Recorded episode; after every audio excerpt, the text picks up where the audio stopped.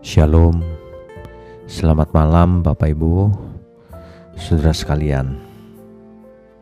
Malam ini kita akan merenungkan kebenaran yang terkandung dari Roma pasalnya yang ke-6 dari ayat 10 sampai ayat 12. Demikian saya bacakan. Sebab kematiannya adalah kematian terhadap dosa. Satu kali dan untuk selama-lamanya. Dan kehidupannya adalah kehidupan bagi Allah. Demikianlah hendaknya kamu memandangnya bahwa kamu telah mati bagi dosa, tetapi kamu hidup bagi Allah dalam Kristus Yesus. Sebab itu, hendaklah dosa jangan berkuasa lagi di dalam tubuhmu yang fana, supaya kamu jangan lagi menuruti keinginannya. Bapak, ibu, saudara sekalian, kematian Tuhan Yesus di kayu salib hanya satu kali dan untuk selama-lamanya. Untuk itu,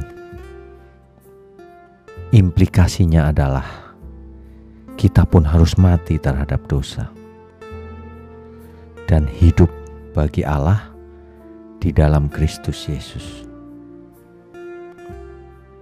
Jadi, kita harus berusaha agar dosa tidak lagi berkuasa di dalam tubuh kita yang fana ini,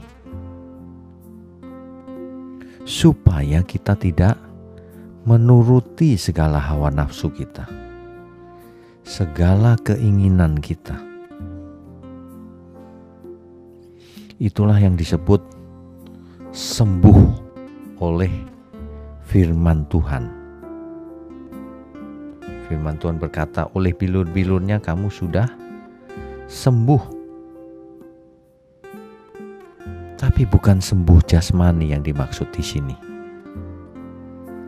yang dimaksud oleh ayat ini adalah sembuh dari kesesatan.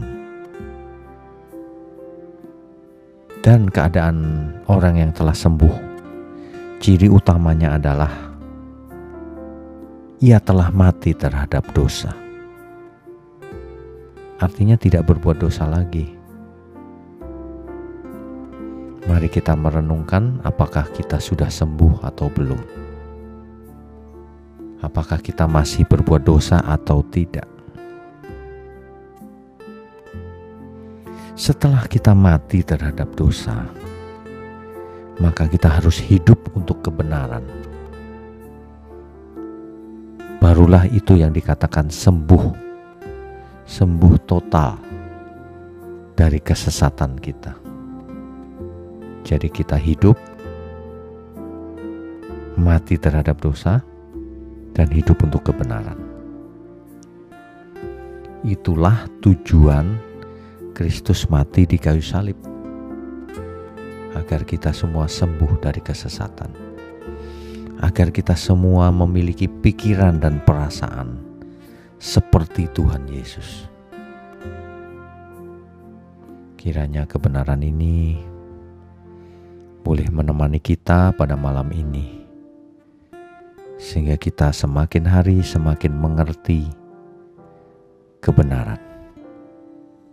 Selamat malam, selamat beristirahat. Tuhan Yesus memberkati kita semua. Amin.